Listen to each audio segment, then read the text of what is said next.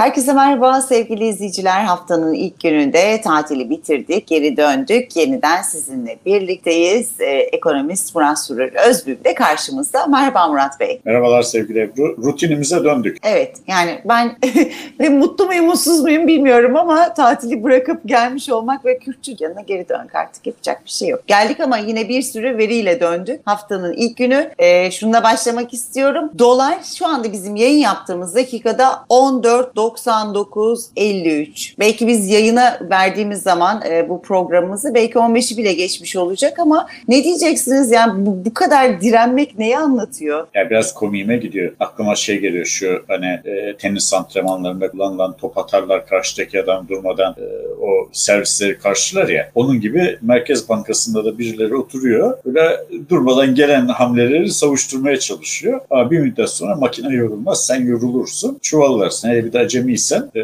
dank der. Tenis top kafana gelir. E, yani böyle bir had savunmak yani bir sınır belirleyip savunmak çok akıllıca değil. Bundan evvel defalarca gördüm. Yani bir yeri belirliyorlar, savunuyorlar sonra çöküyor. E ne oldu? Niye savundu? Niye o kadar dövizi harcadın? İşte 128 milyar doları da böyle savunacağım diye yap. Evet. Yani eğer sen yani bunu yapacaklarını o zaman arkadaşlar şunu söylüyorum. Arkadaşlar bakın ekonomi kitaplarında ve dünya ekonomi tarihinde sabit kur rejimi diye bir şey var. Ona geçin. Merkez Bankası ilan etsin. Döviz kuru şudur diye. Sonra sermaye kısıtlamalarını getirin. Adam gibi böyle ge- gevşek gevşek. Yani işte döviz hesabı açmak yasaktır. İşte döviz havale etmek yasaktır. Yurt dışına döviz göndereceksen şartı şudur. Dövizi e, sadece benden alabilirsin. İşte bir takım kısıtlamaları var Türkiye. Yaşadı bunu. E getir sabit kur rejimine de geç. De ki kur 15 liradır mesela. De ki 10 liradır. De ki 1 liradır. E görelim bakalım ne oluyor. Yani böyle e, tuhaf yöntemlerle bir seviye savunmaya çalışmak e, hem anlamsız hem de sonuçta başarısız olur. Peki bu haliyle neler göreceğiz ne dersiniz? Bir taraftan dış borçlanmalarımız hepsine ne hale gelecek? Peki Evet. daha ne kadar tutabilecekler? Bir de bunu merak ediyorum. Yani Onu hani- bilemem Ebru çünkü e,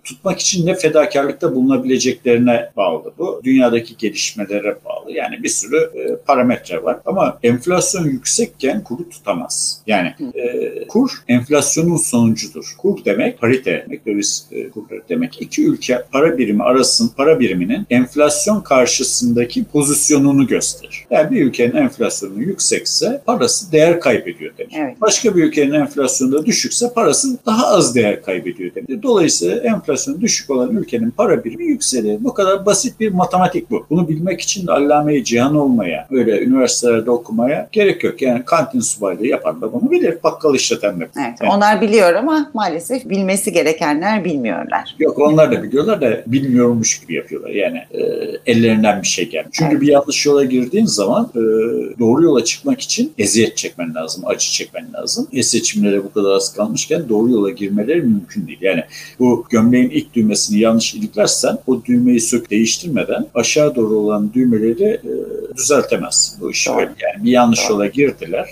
Yaptıkları saçma sapan işler var. Bu saçma sapan işlerden de işte e, bütçe olanaklarını aşan e, yatırımlar, aşırı borçlanma, şehir hastaneleri, yap işlet devlet bazında yapılan yollar, köprüler vesaire. Yani sonuçta senin bütçen patlıyor. İşte bu Suriyeliler, Muriyeliler. Bütçen patlıyor. Bütçeye para bulamayınca ne yapıyorsun? Para basıyorsun. Para basınca enflasyon oluyor. Enflasyon olunca kurlar yükseliyor. Yani mekanizma bu kadar açık ve net. Şimdi adamlar tabii bunu söyleyemezler. Yani biz 9 milyon Suriyeliye bakıyoruz. O Bunu diyorlar. Onlar ensar mensar diyorlar. Ama 9 milyon Suriyeliye baktığımız için bütçe patlıyor. Biz de para basıyoruz. Enflasyon oluyor diyemiyorlar. Evet.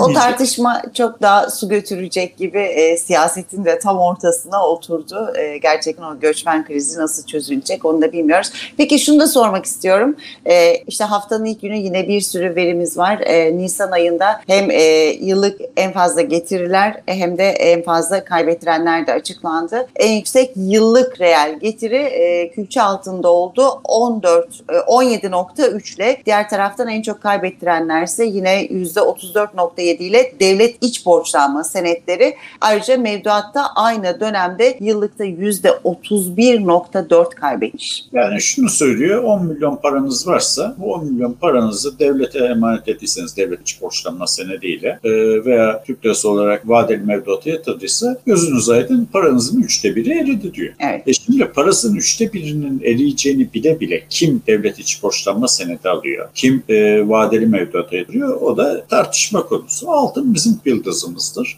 E, altın e, kaybettirmedi enflasyon karşısında sonunda. Yani e, arası dalgalansa da netice itibariyle insanları enflasyona karşı korkuyor. Özellikle doğru fiyattan aldıysan e, bu da dediklerimizi şey yapıyor ama e, bu son 4 aydır kuru baskıladıkları için e, şöyle tuhaf bir şey çıkıyor ortaya. E, kimse kazanamıyor. Yani dövizde kalan da kazanmıyor, altında kalan da kazanmıyor. Zaten ve adeli mevduatta veya şeyde kalan hiç kazanmıyor. Neye karşı kazanmıyor? Enflasyona karşı kazanıyor. Yani ilk 4 aylık enflasyon fezaya gitti. Şu anda ya Ocak ayından bakarsak Ocak ayından 1 Mayıs'a kadar olan sürede elinde e, para tutan ister döviz tutsun, ister altın tutsun, ister Türk lirası tutsun kimse kazanamadı. Hı hı. Ve bu insanlar zararda. Kim karda? Sadece parasını gayrimenkule veya menkul kıymetlere, emtiaya yatıranlar kazan. O yüzden de bizim insanımız çok iyidir. İnsanımız gayrimenkul alıyor. İlk 4 ayda 1 milyona gayrimenkul satıyor. Evet. Hatta benim tavsiyem şu. Genellikle böyle işte 100 bin liranın üzerindeyse ancak gayrimenkul alabileceğiniz bütçeniz var nedir? E, gücü bu seviyede olmayanlar eş, dost, akraba bir araya gelsinler. Bir ortak bütçe yapsınlar. Ortaklaşa alsınlar. Çünkü bu baskılama sürdüğü müddetçe e,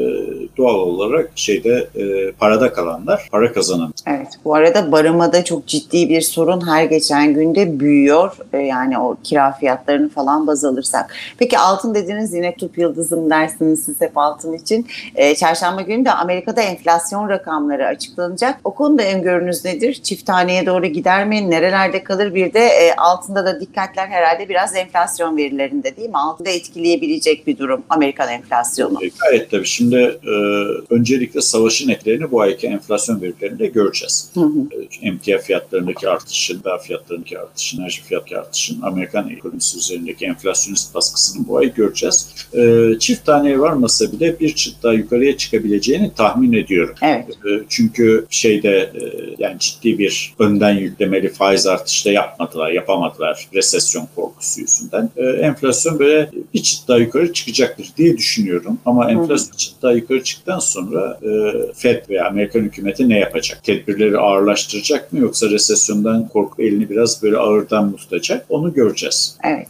Peki e, son olarak da şunu söylemek istiyorum. Hani işsizliğimiz yoktu. Herkes gayet iyi şartlarda yaşıyor falan. E, kayıtlı işsiz sayısı Nisan'da %23 artmış. Bunu da eklemiş olalım. Ayrıca şunu da söyleyelim. Rusya'ya yönelik yeni yaptırımlar da devrede. G7 ülkeleri e, Rus petrolüne ambargo uyguluyor ama Amerika'da da yeni e, yaptırımları devreye soktu. E, bu da petrol fiyatlarını da etkiledi. E, kısa vadede daha da büyük bir etki yapar mı? Ne dersiniz? E, yapacak. Yani petrolün istikameti böyle 150 dolarlara doğru gidecek. İşsizlik rakamları Türkiye için anlamsız hale gelmiştir. Çünkü Evet. siz işlilere verdiğiniz maaş açlık sınırının altında. Yani şimdi önemli olan biz insan işli olmasını, bir işte olmasını niye önemseriz? İnsanın işi gücü var, karnını doyuracak, barınacak, çalışacak diye. Yahu bizde işi gücü olanlar aç. E, Evet doğru. Şimdi iş gücü olanların aç olduğu bir ekonomide senin işsizlik sayısı A olsa ne, B olsa ne, %10 olsa ne, %50 olsa ne. Bir şey fark etmiyor ki. Çalışanlar aç. Yani Doğru. çalışanların aç kaldığı bir ekonomide işsizlik rakamlarından tartışmak beyhudedir. Bizim bugün tartışmamız gereken hayat pahalılığıdır, yaşam pahalılığıdır, geçinme sorunudur. Derhal ve hemehal e, ücretlerin yükseltilmesi en- enflasyona bir eşel mobil sistemi dahilinde endekslenmesi Kesinlikle. gerekir. Yoksa enflasyonu kontrol edemiyorlar. Bunun bedelini çalışan halk ödüyor. Patronlar ödemez çünkü patronlar